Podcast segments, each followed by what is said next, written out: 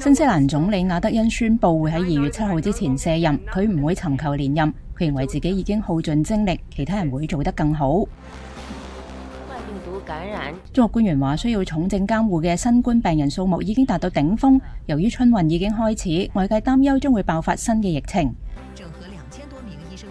喺法国，抗议者游行反对养老金制度改革，政府计划将退休年龄提高两年至六十四岁。马克龙总统话：有关嘅改革对于确保呢个制度唔会破产至关重要。